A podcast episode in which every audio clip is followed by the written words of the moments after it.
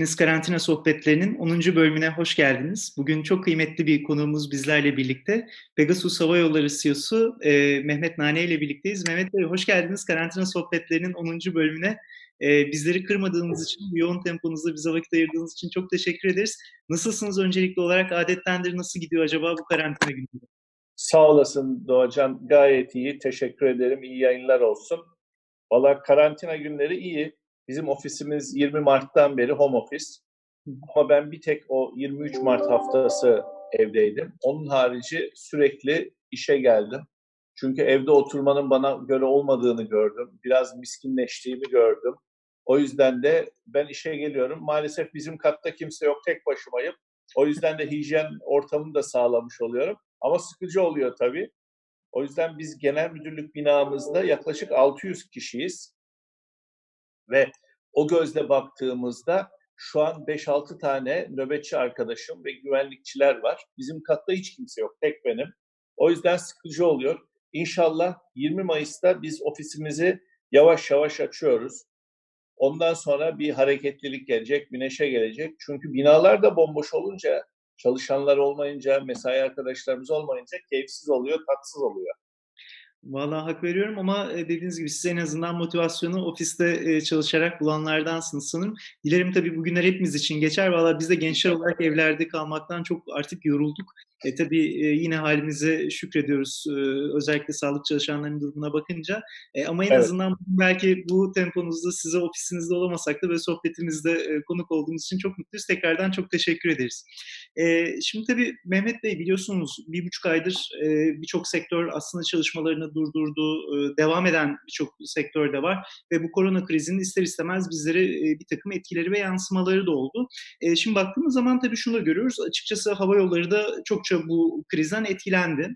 E, tabii e, Cumhurbaşkanı'nın açıkladığı esaslar doğrultusunda aslında yavaş yavaş bir takım esnemeler ve normalleşme süreci e, başlandı. E, Mayıs ayı ile birlikte özellikle hani, turizm sektörü ve dolayısıyla ulaşım sektörünün de e, yani muhtemelen Haziran ayı itibariyle hareketleneceği öngörülüyor ama şimdi şöyle de bir durum var. Aynı zamanda da biliyorsunuz e, dünyadaki bir takım kalemler artıyor. Mesela döviz kurları artıyor. Sizin en önemli harcama kalemlerinizden birisi belki yakıt. E, yakıt piyasası yükseliyor. Dolayısıyla da hava yolları şirketlerinin de bu normalleşme süreciyle birlikte belki e, maliyetleri artıyor. Şunu sormak isterim, çok da koronaya dair sizi e, böyle gündeminizi e, doldurmak istemem ama ya bu koronavirüs sonrasında seyahat etmek için hava yolunu tercih eden yolcuları nasıl bir tablo bekliyor? E, bunun yanı sıra mesela hava yolu ulaşımında sağlık koşulları ve önlemler kapsamında ne gibi adımlar atılması planlanıyor? Şimdi istersen sağlık ve hijyen açısından başlayalım. Sadece ben değil, bu Avrupa'daki yapılan yani bizim bağlı olduğumuz bir örgüt var AYATA diye. Onun çalışmaları da bu doğrultuda. Bizim bir hijyen zinciri konsepti içinde çalışmamız gerekiyor. Yani uçak içinde sosyal mesafe e, hijyeni sağladık. Böyle bir dünya yok artık. Yeni normalde maske bizim ayrılmaz bir parçamız olacak. Nasıl kışın evden çıkarken paltomuzu alıyorsak, üstümüze kalın bir giysi giyiyorsak, aynı şekilde maskesiz de sokağa çıkmayacağız. Maske ayrılmaz bir aksesuar olacak hayatımızda. O yüzden bizim ama çalışanlarımız ama misafirlerimiz için evden çıkış, eve giriş bir hijyen zinciri oluşturmamız gerekiyor. Bu zinciri oluşturmazsak zincirin herhangi bir kısmında hijyenlik sağlamak bu zincirin bozulmamasını engellemez.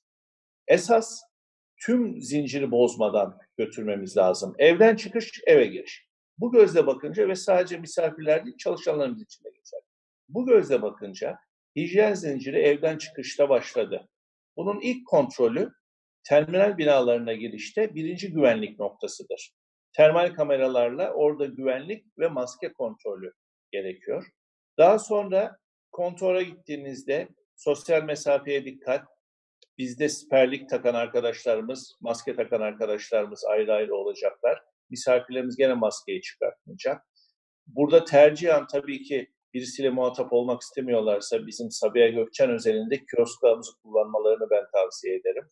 Orada 65 tane kioskumuz var şu anda ki bu hijyen ortamında çok faydalı olacağına ben inanıyorum. Çünkü herhangi bir yardım görmeden bireysel olarak siz bagajınızı vermek, boarding pass'inizi almak, varsa e, fazla bagajınız, bütün bunların ödemesini yapmak, bagaj etiketinizi takmak gibi faaliyetleri tek başınıza yapabileceksiniz. Sonra nereye gidiyoruz? Yurt içine gidiyorsak ikinci güvenlik, yurt dışına gidiyorsak polis kontrolü ve ikinci güvenlik. Bir sonraki kontrol noktasının ikinci güvenlik olması gerekiyor. Burada da gene termal kamera ve güvenlikte çalışan arkadaşlarımız vasıtasıyla maske kontrolü yapacağız. Daha sonra bu misafirlerimizi kapıya alacağız. Kapıda olan misafirlerimizi gene belli hijyen kontrolleri ve standartları nedir bu? Son olarak maske kontrolü uçak için alacağız. Uçak içine artık misafirimizi bu kontroller sonrası aldığımızda hijyen zinciri tamamlanmış oluyor. O nedenle içerideki sosyal mesafe kavramı maalesef uçaklar için düşünülmüş bir şey değil ve uygulanması da pratik değil. Ne demek istiyorum? Bir canlandırma yapalım. Tek koridorlu bir uçakta sağda 3, solda 3 tane koltuk var. Ve dedik ki orta koltuğu boş bırakalım. Sen cam kenarında oturuyorsun, ben de koridorda. Oturduk, senin de benim de maskem var. Arada boş. Tuvalete gitmek ihtiyacı hissettin. Ne yapacaksın? Ya bana sürtünerek geçeceksin ya da benden izin isteyeceksin. Ben ayağa kalkacağım. Bizim o koridorlarımız 60 santim. Şimdi sen ayağa kalktığın vakit beden kalınlığında 25 santim diye düşün, 20 santim diye düşün. Ne olacak ayağa kalktığında?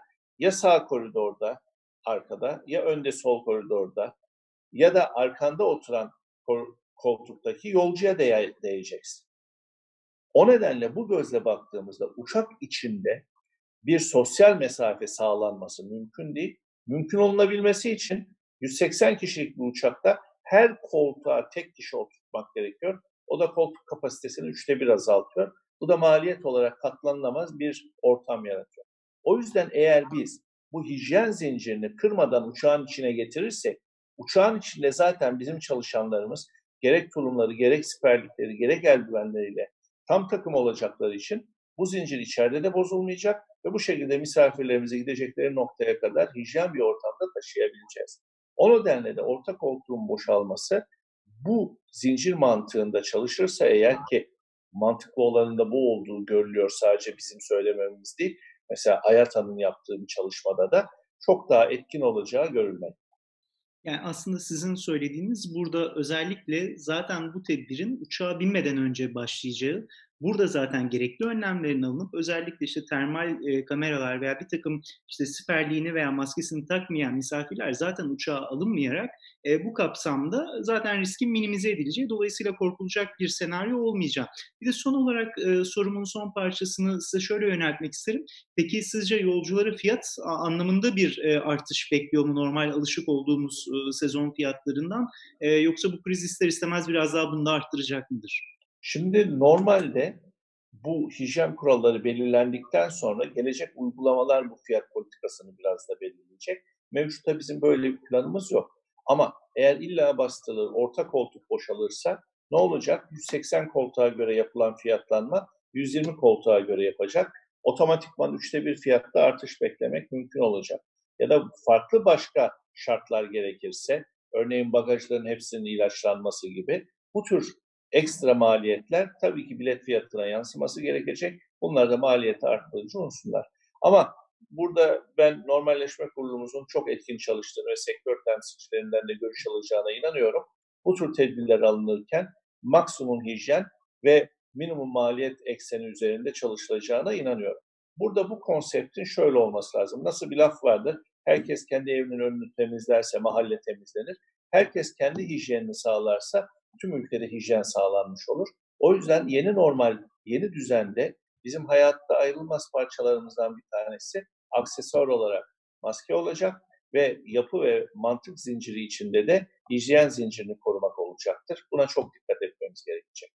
Peki çok teşekkür ederim. Bu korona sorusunun tabii hava yolları ile ilgili en belki sorabileceğimiz yetkili aslınız. Dolayısıyla çok teşekkür ederiz. Birçok insanın kafasında soru işaretlerine sanırım e, karşılık e, verdi bu sorumuz.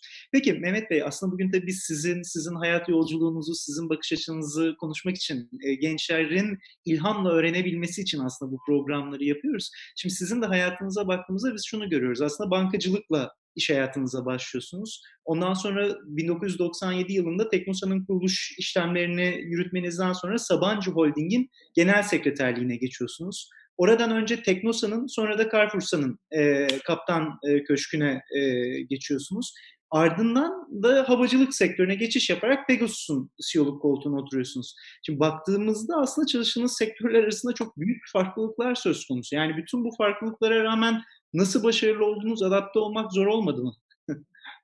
yani şöyle tersten başlayayım. Son üç işime baktığımda sektörel olarak farklılık gösteriyor olabilir ama iki tanesi perakende, bir tanesi havacılık. Ama burada her üç işte nihai tüketiciye ürün ve hizmet satan bir sektör. O yüzden de ben yapı itibariyle iletişimi sevdiğim için, iyi iletişim kurabildiğimi düşündüğüm için müşteriye, misafire son noktaya yakın olan sektör ve hizmetleri seviyorum. O nedenle de bu gözle baktığımızda daha önceki işimde yani gıda maddeleri satıyorduk, temizlik malzemeleri. Bir öncekinde elektronik satıyorduk. Bu işimizde de koltuk satıyoruz. O yüzden ürün değişebiliyor ama nihayet tüketici, tüketici davranışları, tüketiciyi memnun etmek istiyorsanız yapmanız gereken kurallar silsilesi değişmiyor. O yüzden de bu gözle baktığımda ben çok büyük bir kar- kariyer değişimi görmüyorum kendimde. Nitekim ben uçak uçuracak pilot değilim, tamir yapacak, bakım yapacak teknisyen değilim. Bu tür bir mesleki bilgi gerektiren bir iş yapıyor olsaydım çalıştığım kurumda dediğiniz çok doğru. Ama ben yönetici olaraktan arkadaşlarımın, mesai çalışanlarımızın, mesai arkadaşlarımızın en etkin iş yapacağı ortamı yaratmakla görevli olduğum için benim görevim daha çok yönetsel boyutta olduğundan ve yönetsel boyutta nihai tüketiciye hizmet yaratan, servis veren bir boyut olduğundan bildiğim işler ve alışa geldiğim sektör devamlılığı olarak düşünüyorum. Yani aslında burada gençlerin sanırım çıkarabileceği mesaj şu sizin e, çalışma hayatınıza bakınca. Özellikle yönetsel sorumluluklar aldığınız zaman sektörler arası geçiş o kadar da büyük bir e, zorluk getirmiyor. Ama yeter ki yaptığınız işi tabii iyi yapabiliniz, bu yönetsel yeteneklerinizi ve becerilerinizi geliştirebiliniz. Yoksa perakende, havacılık veya işte teknoloji gibi alanlarda yer almak sanırım tabii bu arada sadece e, kişinin kendisi de değil birlikte çalıştığı ekibinde başarısıyla birlikte zaten başarıya götürüyor. Peki e, Mehmet Bey yani baktığımızda tabii az önce saydığımız firmalar çok önemli firmalar Türkiye için. Yani Pegasus, Carrefour'sa, Teknosa e, ve fark ediyoruz ki aslında elinizin değdiği her şirket de ülkemizde hatır sayılır bir düzeye geliyor. E, büyük başarılara da imza atıyor. E, size şunu sormak isterim. E, uzun yıllardır yöneticilik yapan bir isim olarak ya bir şirketi gerçekten başarılı ve değerli kılan faktörlerin ne olduğuna inanıyorsunuz? Yani birinci faktör çalışanları. Bu hiçbir şekilde ayrılmaz. Eş değerli olarak baktığımızda da o çalışanların hizmet verdiği misafirler. Bunları iç ve dış müşteri diye ikiye ayırabiliriz. Bunlar çok önemli ve bir geniş halka yaptığımızda tüm diğer paydaşlarını içine alabiliriz. O yüzden biz ne iş yapıyorsak yapalım bu paydaşlarımızı iç müşteri, dış müşteri ve üçüncü bize hizmet veren, hizmet alan unsurları düşündüğümüzde bunlarla harmonik bir ortam kuramazsak, uyumlu bir çalışma ortamı yakalayamazsak bu iş başarılı olmuyor. O yüzden de bu başarıyı yakalayabilmek için onların ihtiyaçlarını iyi anlamak, iyi bir ihtiyaç analizi yapmak ve yaptığımız çalışmalar, getirdiğimiz sunumlar, getirdiğimiz hizmetlerin o ihtiyaçları karşılayan bir hizmet ya da ürün olduğunu net bir şekilde de iletişim kurmak lazım.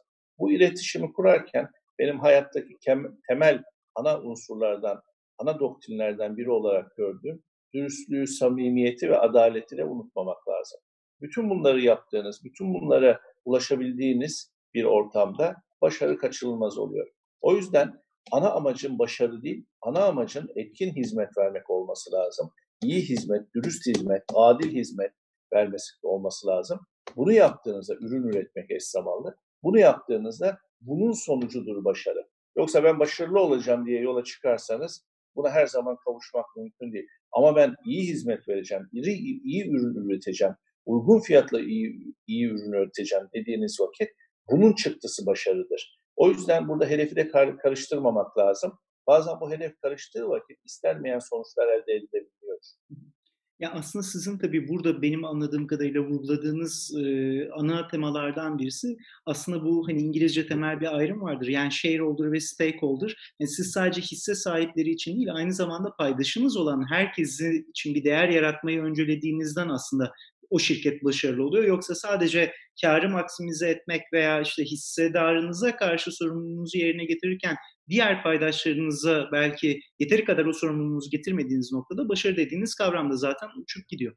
Peki e, Mehmet Bey bu sene şöyle güzel bir haber e, okuduk aslında. E, her ne kadar e, bugünlerde daha şey durgun bir piyasa olsa da siz e, bu sene üst düzey yöneticiliğini üstlendiğiniz şirketin dijital dönüşümde e, ettiği öncelik, hizmetleri, verimlilik odaklı yönetim biçimi, sivil toplum kuruluşlarına bu kadar bugüne kadar aldığı ve devam ettiği görevler ve aynı zamanda da toplumsal cinsiyet eşitliği konusundaki aktif çalışmalarınız nedeniyle yılın CEO'su e, ödülüne layık görüldünüz. E, yani şimdi bu ödülle ilgili de konuşmalarınıza baktığımızda hep şunu söylüyorsunuz. Aslında ekip ruhunun gücüne yürekten inandığınızı belirtiyorsunuz. E, ve arkadaşlarınıza, ekip arkadaşlarınıza teşekkür ediyorsunuz. Şimdi iki soru sormak istiyorum bununla paralel. Bir tanesi siz yakın çalışma ekiplerinizde çalışacağınız arkadaşları hangi kriterlere göre seçiyorsunuz? E, ilk sorum bu olacak. İkincisi de seçtiğiniz kişilerin şirkete ve ekibe olan güveni ve aidiyetini nasıl geliştiriyorsunuz acaba? Yani biraz önce bahsettiğim ana kriterler, dürüstlük, samimiyet, iyi niyet, adil olmak ve çalışkan olmak bunlar ana kriterler. Bunlar doğrultusunda çalıştığınız ekip arkadaşlarınızı seçmeniz mümkün. İş bundan sonra o ekibi bir arada tutmak ve ekip ruhunu yaratmaya kalıyor. Bunun içinde çok değişik çalışmalar ve çok değişik eğitimler var. Bütün bunları aldığınızda ana yapacağınız şeylerden bir tanesi ekibinizi ortak bir hedefe inandırmak ve kitlemek. Bunun için de etkin iletişim çok çok önemli. Mesela ben bunu kriz döneminde de gördüm. Ben her hafta tüm çalışanlarımıza bir mailing yapıyorum. Bu mailingde geçen hafta ne oldu, bu hafta neler olacak diye özet bilgi veriyorum. Bu sayede işte değiliz belki ama işte olanların, işle ilgili olanların, kendi home office çalıştığımızda yaşadıklarımızın belli bir oranda paylaşımını sağlıyorum. Burada bu paylaşımını yaptığınız ve ortaya koyduğunuz hedefe şirketin yönetim kurulu başkanından kapıdaki güvenlikte çalışan arkadaşımıza kadar ortak ettiğiniz vaziyette burada bir ekip ruhu oluşur, bir başarılı olur. Onun için de bu ekibi oluşturmak için ortak hedefi ortak belirlemek lazım. Hani eskiden vardır ya filmlerde, yaz kızım, ben söyledim yap. Böyle bir şey yok. Önemli olan, çünkü benim bir tane aklım var. Pegasus şirketi olarak baktığımızda burada 6600 akıl var. Önemli olan bu aklın hepsini ortak hedefe doğru kitleyebilmek. Aksi takdirde tek kişilik bir iş olur, tek kişilik bir show olur. Ben hiçbir zaman bu işleri tek başıma yapamam ki. Ben bir insanım. Bir uçak düşünün. Bir uçakta en basit havaya kalktığı vakit ki havaya kalkana kadar onlarca, ortalama 100 kişi hizmet ediyor bir uçağa. Uçağın içinde iki tane pilotumuz var, dört tane de hostes arkadaşımız var hizmet eden. Bir kişiyle bu işi çevirebilir misiniz? Hem ben uçağı kullanacağım, hem içeride misafirlerin ihtiyaçlarını karşılayacağım, sorularına cevap vereceğim, onlara hizmet edeceğim. Mümkün değil. O yüzden yaptığımız işi ekip olarak yapmamız lazım. Ekibin de bir arada olması için ortak bir hedef olması lazım. Bu ortak hedefi de beraber kararlaştırıp beraber buna yürümemiz lazım. O yüzden de katılımcı bir demokrasi içinde ekibi yönlendirmek, yönetmek çok çok önemli. Sen ne iş yapıyorsun arkadaş genel müdür olarak dersen, ben bu soruyu bana daha önce sorduklarında şöyle dedim. Ben bir demet çiçeğin etrafındaki bağım. Benim en büyük özelliğim yönetici olarak o demetin aranjmanını belli etmek, aynı bir orkestra şefi gibi o ve o demeti bir arada tutmak. Aksi takdirde o demette 10 tane çiçek varsa eğer bağ olmasa o çiçekler her tarafa saçılır. Bağın görevi o çiçekleri belli bir kombinasyonda, belli bir aranjman içinde bir arada tutmaktır. Ben de o bağ görevini görüyorum. Yani aslında ortak aklın egemen olduğu bir ekip yarattığınız ve ortam yarattığınız zaman zaten takım çalışması geliyor. Lider olan insanın da belki bir orkestradaki gibi bir şef gibi kendisi bir enstrüman çalmasa bile o ahengi yaratması, e, zaten o mizahseni sağlaması zaten herhalde başarılı e, çalışmalara ve neticelere yol açıyor. Peki e, Mehmet Bey tabii başarılı çalışmalardan bahsediyoruz ama belki az önce siz söylediniz yani sonuçta e, CEO'luk görevini daha önce de farklı şirketlerde yaptım ve şu anda hani havacılık sektöründe olmam en nihayetinde ben bir e, pilot değilim, uçak uçurmuyorum veya teknisyen değilim dediniz ama aslında baktığınız zaman da diğer sektörlerden şöyle e, ayrılıyor. Aslında risklerin çok yüksek olduğu da bir alan. E, yani özellikle yüzlerce parametre var ve bunlarda yaşanan bir aksaklık acı kazalara da yol açabiliyor. Bu tarz risklerin ve büyük sorumlulukların olduğu bir sektörde yöneticilik yapmak hayatınızda neleri değiştirdi? Yani hiç uykusuz kaldığınız geceler oldu mu acaba bu Pegasus? Ya mutlaka oldu. Yani istemediğimiz kazalar oldu. Hiç düşünmediğimiz, istemediğimiz can kayıpları, yaralanmalar oldu. Burada önemli olan bu riskin farkına varıp bu riski ortadan kaldırabilecek riski önleyici faaliyetlerde bulunmaktır.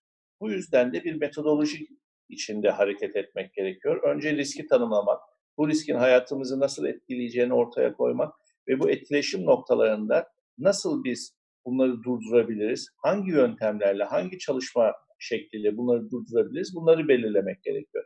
Bunun adına da risk mitigation plan derler. Yani riski azaltıcı, önleyici faaliyetler. Bütün bunları yapabilmek için gene ekip olaraktan oturup risklerimizi belirlemek, bu risklerin bize oluşturacağı hatalar ya da oluşturacağı zararları belirlemek, bu zararları ortadan kaldırabilmek için de neler yapacağımızı konuşmak gerekiyor. Burada da yine ortak aklı devreye almamız gerekiyor. Çünkü çok farklı unsurlarda risk var ve bu konuda her birinde uzman arkadaşlarımız var, uzmanlar çalışıyor.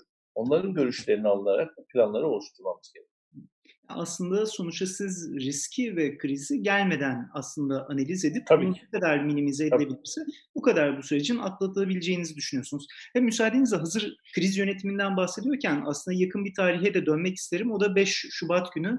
5 Şubat'ta aslında ben sabah sizin misafirinizdim ondan sonra ama akşam tabii acı bir haber geldik. O da bir işte uçağınızın pistten çıkması vesilesiyle olan bir kriz ortamıydı diyeyim.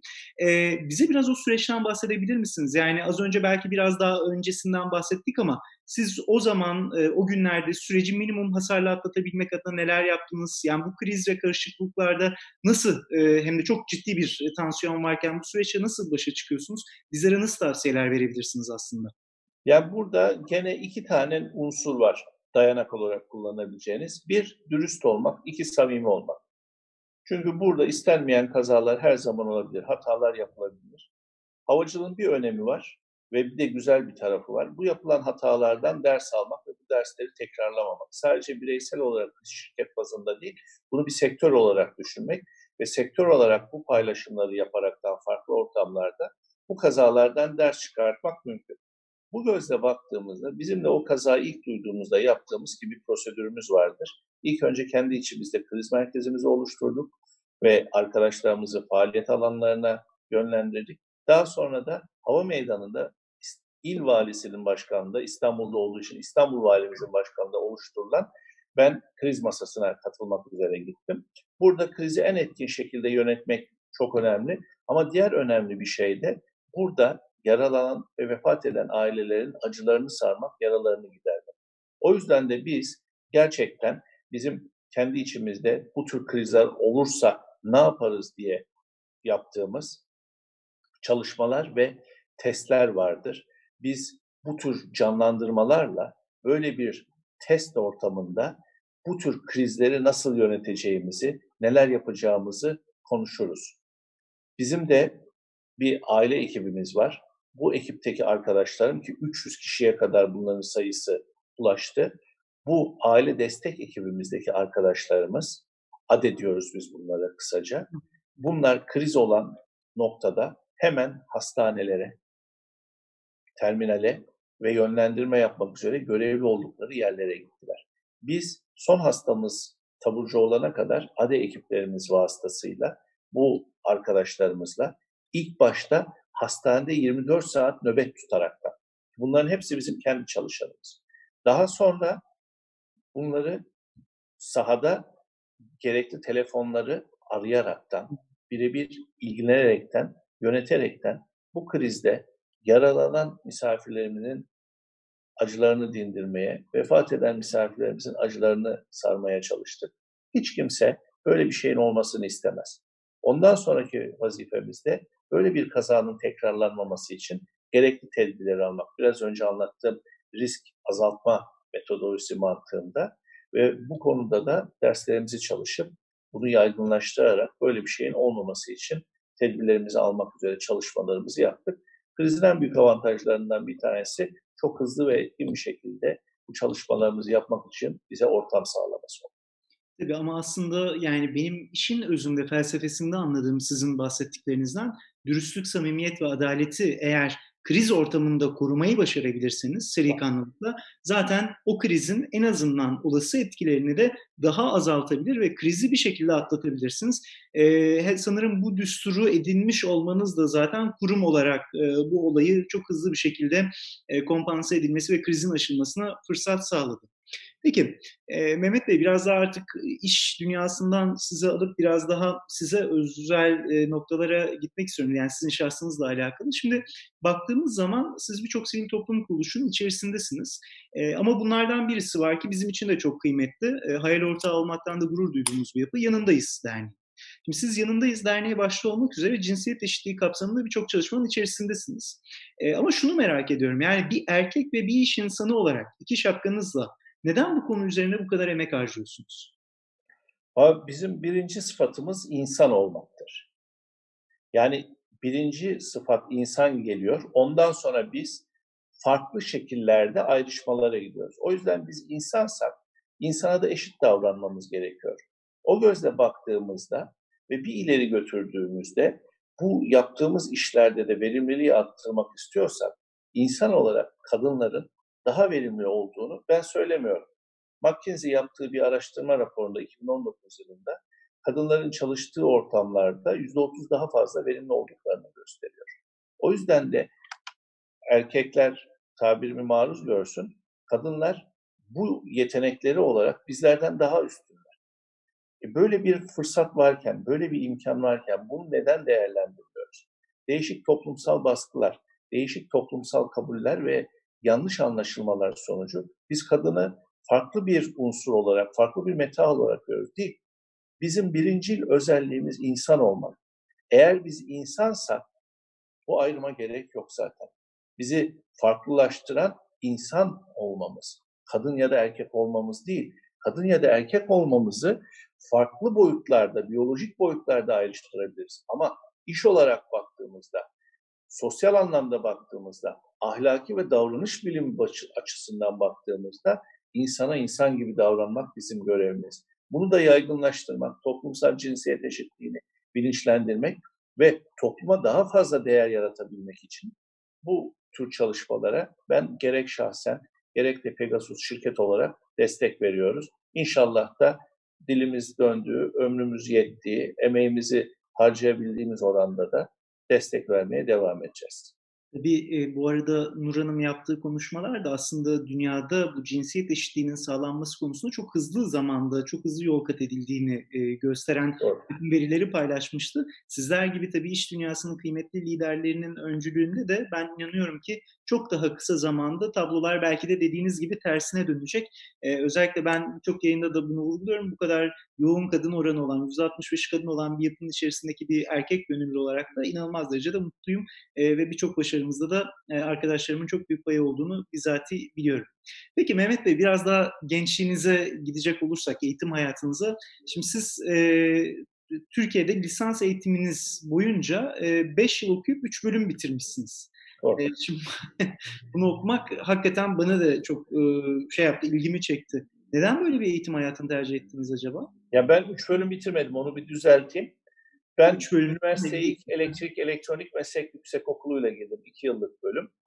Daha sonra oradan 4 yıllık eğitim fakültesinde rehberlik ve psikolojik danışmanlık bölümüne geçtim. 2 yıl orada okudum. Bir yıl elektrik elektronikte. Daha sonra da idari bilimler fakültesinde kamu yönetimi bölümüne girdim. Benim mezun olacağım senede kamu yönetimi bölümünün adı siyasi siyaset bölümü ve uluslararası ilişkiler olarak değişti ve ben o bölümden mezun oldum. O yüzden benim hep hedefim zaten idari bilimlere doğru bir geçiş yapmaktı. Bunu maalesef direkt yapamadım. Notlarım tutmadığı için böyle bir kademeli geçiş oldu. O nedenle üç farklı bölümde okudum ama tek bölümden diplomam var. Peki bu e, üç farklı bölümde okumanın e, size bir katkısı oldu mu? Bu arada galiba bir noktada da hayaliniz aynı zamanda doktor olmak gibi bir hayaliniz olduğunu da okuduk e, daha önceki demeçlerinizden. E, size katkısı, artısı, eksisi, hani getirisi götürüsü anlamında baktığınızda nasıl bir yolculuktu üniversite eğitimi? Yani farklı eğitim bölümleriydi, farklı konulardı. En büyük avantajı farklı insanlar tanıdım. Ya yani her bölümden benim çok samimi dostluklarım, arkadaşlıklarım var. Ben yatakhanede okudum ya, ya yatakhanede kaldım 5 yıl boyunca Mersin'deyim. Yatakhanede kaldığım için de çok köklü ve uzun soluklu arkadaşlıklarımız oldu. Halen de bu arkadaşlıklarımız devam etmektedir. Bazen ben işte arkadaşlarımla, çalışma arkadaşlarımla konuşurken derim ki işte falanca benim yatakhane arkadaşım. Artık öyle bir noktaya geldi ki ya bir nasıl yatakhaneymiş bu? Herkes senin arkadaşın bin kişi mi var burada diye bana takılırlar. O yüzden ben o dönemde yaşadığımız ilişkileri, kurduğumuz dostlukları bugüne kadar devam ettirmeyi, getirmeyi başarmaya çalıştım. Ve başarılı olduysam da ne mutlu. O yüzden bu ilişkiler çok çok önemli. Ben en büyük katkılarından bir tanesi farklı disiplinleri ve farklı arkadaşlıkları öğrenmem ve sürdürebilecek ortam yaratması oldu diyebilirim. Bu arada yatakhaneden bahsettiniz ama siz aynı zamanda yurt abisiymişsiniz de galiba. Evet, sürveyan tabir edilir. Yani, o dönemlerde herhalde şey güzel bir sıfat öğrenciler e, arasında diye de düşünüyorum. Yani hem güzel bir sıfat hem de finansal, maddi açıdan avantajlı bir sıfat. Sürveyan olduğunuzda ya da yurt abisi olduğunuzda para ödemiyorsunuz yurda. Ben dört çocuklu bir aileden geliyorum. Benim babam Mersin'de dükkancı. Yani bizim 20 metrekare bir dükkanımız vardı Mersin'in en işlek yerinde. Ama dört tane çocuğu vardı. Hepimizin yaşı iki yaş arayla ve eş zamanda üç kardeşimiz üniversitede okuyordu. Aralarımız hep iki yaş olduğu için. Ben İstanbul'da okurken benim iki kız kardeşim de ben üçüncü sınıfta yani üçüncü senemde Adana'da Çukurova Üniversitesi'nde okuyorlardı. Yani babam aynı anda üç çocuk okutuyordu. Bu gözle baktığımızda bana gelen para çok limitliydi. Ben çok iyi hatırlıyorum. Bugünkü paraya kıstasa getirdiğimizde asgari ücretin dört devri yani yaklaşık 450-500 lira bana ayda para geliyordu. O zamanki parayla söyleyeyim 40 bin lira para geliyordu. E tabii bu parayla ben bir ay geçireceğim, yurt parasını da ödeyeceğim. Çok sıkışıyorduk. O yüzden ben kariyerim boyunca, okul kariyerim boyunca hep çalışmak durumunda kaldım. Bunun da bana çok şey kattığına inanıyorum. Ve iş hayatına başlangıcım da bu şekilde oldu. Yani ben üniversite 3. sınıfa geçtiğimde devlet memuru olarak Emlak Bankası'nda çalışmaya başladım bu sayede, bu gözle baktığımızda. O yüzden tabii ki bu çalışmanın ve çalışma gereksiniminin getirdiği ihtiyaçlardan bir tanesi de okulda yatakhanede nasıl bedavaya kalırım? Bunun tek yöntemi vardı. Yurt amirliği, yurt abiliği yapmak, süveyanlık yapmak. Ben de buna başvurdum. Hem demek sevdiler, uygun gördüler. Hem de ben sosyal faaliyetlerde de etkindim. Okulun handball takımında oynardım ve kaptanlığını ve hocalığını da yapardım eş zamanlı olarak. Yani takımı çalıştırmak, kız erkek takımının görevi de bendeydi. O yüzden de bu girişimlerden dolayı beni bu görevi layık gördüler sağ olsunlar. Ve 3 yılda ben sürveyanlık yaptım. Yatakhanede kaldığım bu 3 yıl boyunca da yani eğitim kariyerimin üniversitedeki son 3 yılında yurda para ödemedim. Ama buna karşılık orada belli görev ve sorumluluklarımız vardı. Bunları da ila istisna yerine getirmeye çalıştım. Ne kadar güzel. Şimdi tabii siz bunları anlatınca e, şuna da hemen geçmek isterim. Tabii biliyorsunuz bugün özellikle e, üniversitede okuyan arkadaşlarımız yazları stajlar yapıyorlar. Özellikle işte Pegasus gibi kurumlar, SS Holding gibi yerler çok cazip kurumlar. Ama bir yerde de şöyle ülkemizin güzel bir e, tabiri var. Yani aslında mektepli yetişmek kadar alaylı yetişmek de çok önemli. E, bu kapsamda da aslında sadece tabii Pegasus gibi veya işte SS Holding gibi yapılar değil aslında Kapalı Çarşı ve Tahtakale gibi bölgeler de önemli birer mesleki eğitim merkezi oluyor. Valla şahsen ben de Kapalı Çarşı'dan bir çocukken beni sağ olsun ailem geçirdi. Sizin gençliğinizde yolunuz hiç bu bölgelere düştü mü? Yani aslında cevabı bilsek de biz hikayenizi merak ediyoruz. Yani şöyle, 1985 yılında ben İstanbul'a geldim. Babam 93 yılında emekli oldu. 85-93 yılları arası İstanbul'da olduğum her hafta sonu ben Tahtakale'deydim. Çünkü bizim dükkanımız tuhafiye tabir edebileceğimiz her çeşit ürünün satıldığı yerdi. Ve mutlaka Tahtakale'de bir işimiz oluyordu. Ya ürün alıyordum, ya ürün değiştiriyordum, ya yeni gelen bir şey var mı diye ona bakıyordum. O nedenle ben İstanbul'da olduğum her hafta sonu 8 yıl boyunca Tahtakale'deydim. Halen orada elde edildiğim dostluklar vardır. Hala burnumda tutar, arada gider oraları gezerim. Tabii ki çok değişti benim zamanımdan bu yana. Kabaca 35 sene geçti üstünden. Oralar çok değişti. Ama ana sokaklar, ana caddeler yerli yerinde. O yüzden de gidip arada nostalji yaptığım olur. Oraları çok severim. Bende ayrı bir yeri vardır. Ne kadar güzel. Yani, aslında bu belki bunu izleyen genç arkadaşlarımız için de şöyle güzel bir çıkarım olabilir. Tabii ki büyük, önemli holdinglerde çalışmak, staj yapmak çok önemli ama sizin sohbetinizden benim anladığım sizin yaptığınız temel işte de iletişimin çok önemli olduğunu vurguluyorsunuz. E, bunun da temeli halkı tanımak, toplumun bir parçası olabilmek. E, dolayısıyla, hani, belki böyle çok kıymetli holdingler, kurumlar gibi biraz böyle o sokakta, o bölgelerde pişmenin de artısına sahip olurlarsa çok daha belki kariyer yolculuklarında, eee, kendi kapasitelerini geliştirerek üzerine koyabilirler.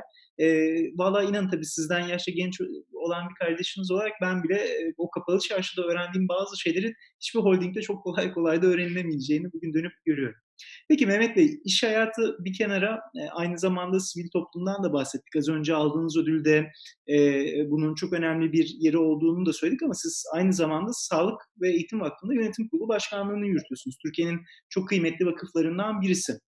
Eee, sizi biraz artık eğitime doğru sorularımı yöneltmek istiyorum. Şimdi böyle önemli bir vakfın yönetim kurulu başkanıyken siz aslında Türk eğitim sisteminin de bir fiil içinde olan bir eee, vakfın eee, yönetici koltuğundasınız. Eee, bu kapsamda Türk eğitim sistemini nasıl değerlendiriyorsunuz? Bir de özellikle bir iş insanı olarak yani yeni yetişen nesilde mezun olduktan sonra ne gibi eksikler görüyorsunuz ya da onlardaki hangi yetkinliklerin eksikliği sizi şaşırtıyor diye sormak isterim. Yani Türk eğitim sistemi çok büyük değişim içinde. Yani son yıllara baktığımızda bile iki defa değiştiğini görüyoruz son beş yılda. Mevcut Milli Eğitim Bakanımız daha önce Talim Terbiye Kurulu Başkanı olduğu için çok bu konularda yetkin ve müfredata çok hakim ve dünyanın da ne yöne evrildiğini çok iyi bilen bir kişi ve kendi bu konuda da uzman ve daha önce de bu göreve gelmeden ama Talim Terbiye Kurulu'ndan ayrıldıktan sonra işletmesini yaptığı bir okul zinciri var. Şu an dünyaya baktığımızda eğitimde gidiş ezberden uygulamaya dönüşte ve daha çok da yerinde uygulamaya dönüşte. Hani kağıt üstünden değil de bu işi bir fiil uygulayarak. Çünkü baktığımızda biraz önce sizin verdiğiniz örnekte hani Tahtakale'de birçok şeyi öğrendim dediniz ya. Hayat esasında bir denge manzumesidir. Bu dengenin içinde kurumsallık da vardır, amatörlük de vardır, profesyonellik de vardır, bireysellik de vardır. Önemli olan bu dengeyi olması gereken ayarda ve noktada etkin bir şekilde kurmaktır.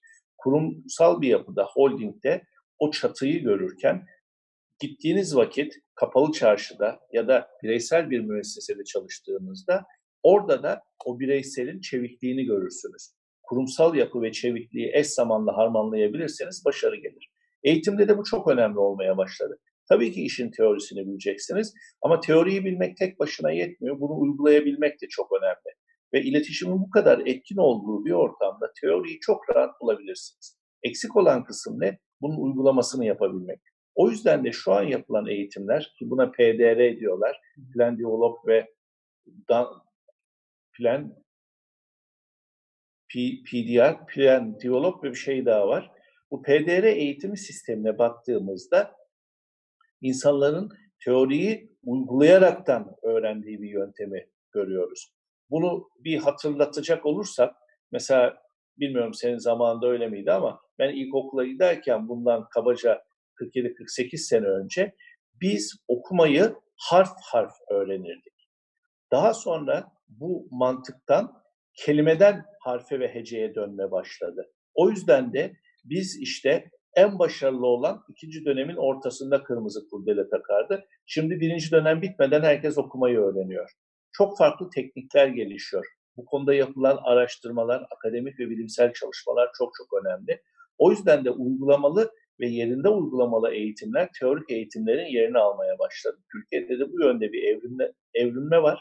Biz de okullar olarak bunlara hizmet ediyoruz ve bu evrilmede öğrencilerimizi en etkin şekilde geleceğe yetiştirerekten gelecek nesilleri modern Türkiye'nin temsilcisi olaraktan layık ve Atatürkçü düşünceye sahip öğrenciler olarak yetiştirmeye çalışıyor.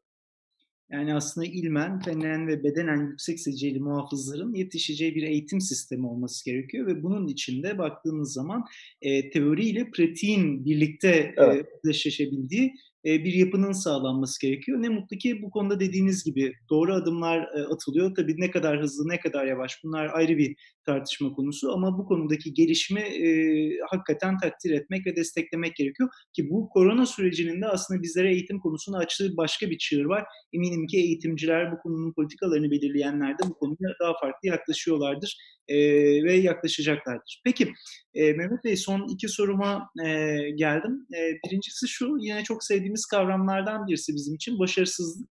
E, biz e, özellikle sizler gibi kıymetli e, isimlerin hayatında çok büyük başarıları olduğunu görüyoruz ama aslında bunların altında yatan bir takım başarısızlık hikayeleri olduğunu da e, varsayıyoruz. E, bize andıkça size tebessüm ettiren bir başarısızlık hikayenizden bize bahsedebilir misiniz diye kısaca sormak istedim. ya ben hayatımın ilk başlangıcı başarısızlıkla başladım. Ben liseyi orta iyi yani 7 üstünden bir notla bitirdim ve başarılı bir öğrenciydim. Üniversite imtihanına girdim o sene ve tabii şimdiki gibi böyle danışman servisleri yoktu bizleri yönlendirecek. Ben o geçmişte neler oldu? İşte mezun olan arkadaşlarımıza sorduk, ona göre öğrendik. O zaman bir kontenjan, ara kontenjan sistemi vardı 84 yılında. Yani diyelim ki okul 100 tane öğrenci alacak. Buna 95 kişi başvurduysa tekrar bir 5 kişi için kontenjan açılıyordu. Ben de baktım ara kontenjan ve ana alışın arasında puanların arasında bir düşüş oluyor. Çünkü düşürüyorlar puanları o ek 5 kişiyi alabilmek için. E dedim ki ben hep İstanbul istiyordum ve doktorluk ve işletme arasında da bir tercih yapmıştım. Tıbbiye yazdım ve son tercihim de Boğaziçi Üniversitesi işletmeydi. E öyle oldu. Ben tabii ki kazanamadım ama hiç üzülmüyorum. Çünkü nasılsa şey yapacağız. Yerleştirmeler var. Aradan gireceğiz. Ben gayet rahatım. O sene ÖSYM bir karar aldı ve ara kontenjanı kaldırdı. ben bir sene boştaydım. Mesela benim o sene aldığım puan hiç unutmam 467 puan. İstanbul işletmeyi tutuyordu, İTÜ mimarlığı tutuyordu, İTÜ tekstil mühendisliğini tutuyordu. Ama ben açıkta kaldım. Bir sene. Yani o bir sene benim hayatımdaki önemli köşe taşlarından bir tanesi oldu. Neden köşe taşlarından bir tanesi oldu? Ben hayattan yılmamayı öğrendim. Başarısızlıktan yıkıntı değil, ders çıkartıp başarı çıkartmayı öğrendim. Başarısızlığın esasında başarıyı getiren ana motivasyon unsurlarından bir tanesi olduğunu öğrendim. Yeter ki o başarısızlık hatayla, bile bile yapılmış bir hatayla gelmesin veya iki kere tekrarlanmasın. Hatadan ders alınsın. O yüzden ben daha hayatımın başındayken böyle bir başarısızlıkla başladım. Tabii bu beni motive etti. Bir sonraki sene 24 tercih yazdım. O 24 tercihimin içinden bir tanesine girdim. Ondan sonra kademe kademe daha değişik başarısızlıklardan başarılar elde ederekten bugüne geldim. O yüzden benim hep konuşurken bir söyleyim, söylemim vardır. Başarısızlıklardan kes, kesinlikle kesinlikle üzülmeyin, yılmayın.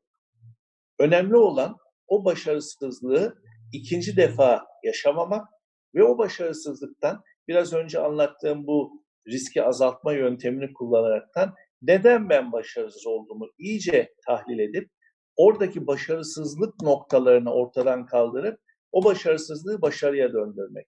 Aksi takdirde enseyi karartırsanız öldük, bittik, mahvolduk derseniz olmaz ki. Şunu unutmamak lazım. Son nefese kadar umut vardır. Son nefes verilene kadar ümidi kaybetmemek lazımdır. Aksi takdirde insanlık ilerleyemezdi. Aksi takdirde her başarısızlıkta biz ah vah deyip ağlayıp bıraksaydık dünya ilerlemezdi. Şu an dünyanın ilerlediği teknolojik çağ bu noktaya gelmez. Biz ateşi bulur ya da tekerleği bulur yatardık aşağıya. Valla yani genç olarak söyleyebilecek hiçbir şey bulamıyorum. Sadece böyle hikayeleri duymak, böyle verilen mücadelelere şahit olmak, bunları dinlemek bile bana e, şahsıma en azından bir şeyler yapmak için çok büyük bir motivasyon veriyor ki bugün bu yayını şu anda arkadaşlarım bana söylüyor. 500'e yakın genç arkadaşımız izliyor. Onlara da büyük bir e, moral ve motivasyon olduğuna bütün gönlümle inanıyorum. Peki Mehmet Bey e, son soruma geliyorum. E, o da şu. Tabii siz iş dünyasında birçok başarıya imza attınız ama Henüz hayata geçiremediğiniz bir hayaliniz var mıdır? Bundan sonra da ajandamda bu var, eee, dediğiniz herhangi bir konuda. Yani o kadar çok hayalim var ki. Tabii ki mutlaka var. Yani bu toplumla ilgili, kendimle ilgili, ailemle ilgili, işimle ilgili. Yani bütün bunlar hayal olmadan hayat olmaz. Hayallerimden bahsetmeyeyim size ama insan düşünmedikçe, plan yapmadıkça, hayal kurmadıkça gelişim olmaz. Bütün bu gelişim, planlama bir hayalle başlar. Eğer siz bir şeyi düşünmezseniz nasıl gerçekleştireceksiniz? Düşünemediğiniz bir şeyi yapar mı? Yapabilir misiniz? Yaparsınız. Tesadüf derler buna. Ama tesadüf her zaman sizin kapınızı çalmaz. Bir kere gelen tesadüf bir daha gelmez. O yüzden başarı istiyorsanız mutlaka düşünmeniz lazım. Düşünme başlangıçtır. O düşünmeyi daha sonra plan projeye de getirmeniz lazım. Kağıda dökmeniz lazım, bilgisayara geçirmeniz lazım. Sonra bunu çeşitlendirmeniz lazım. Farklı boyutlardan bakabilecek, 360 derece görüş alabilecek ilişkiler varsa arkadaşlar, yoksa uzmanlardan destek alıyor olmanız lazım.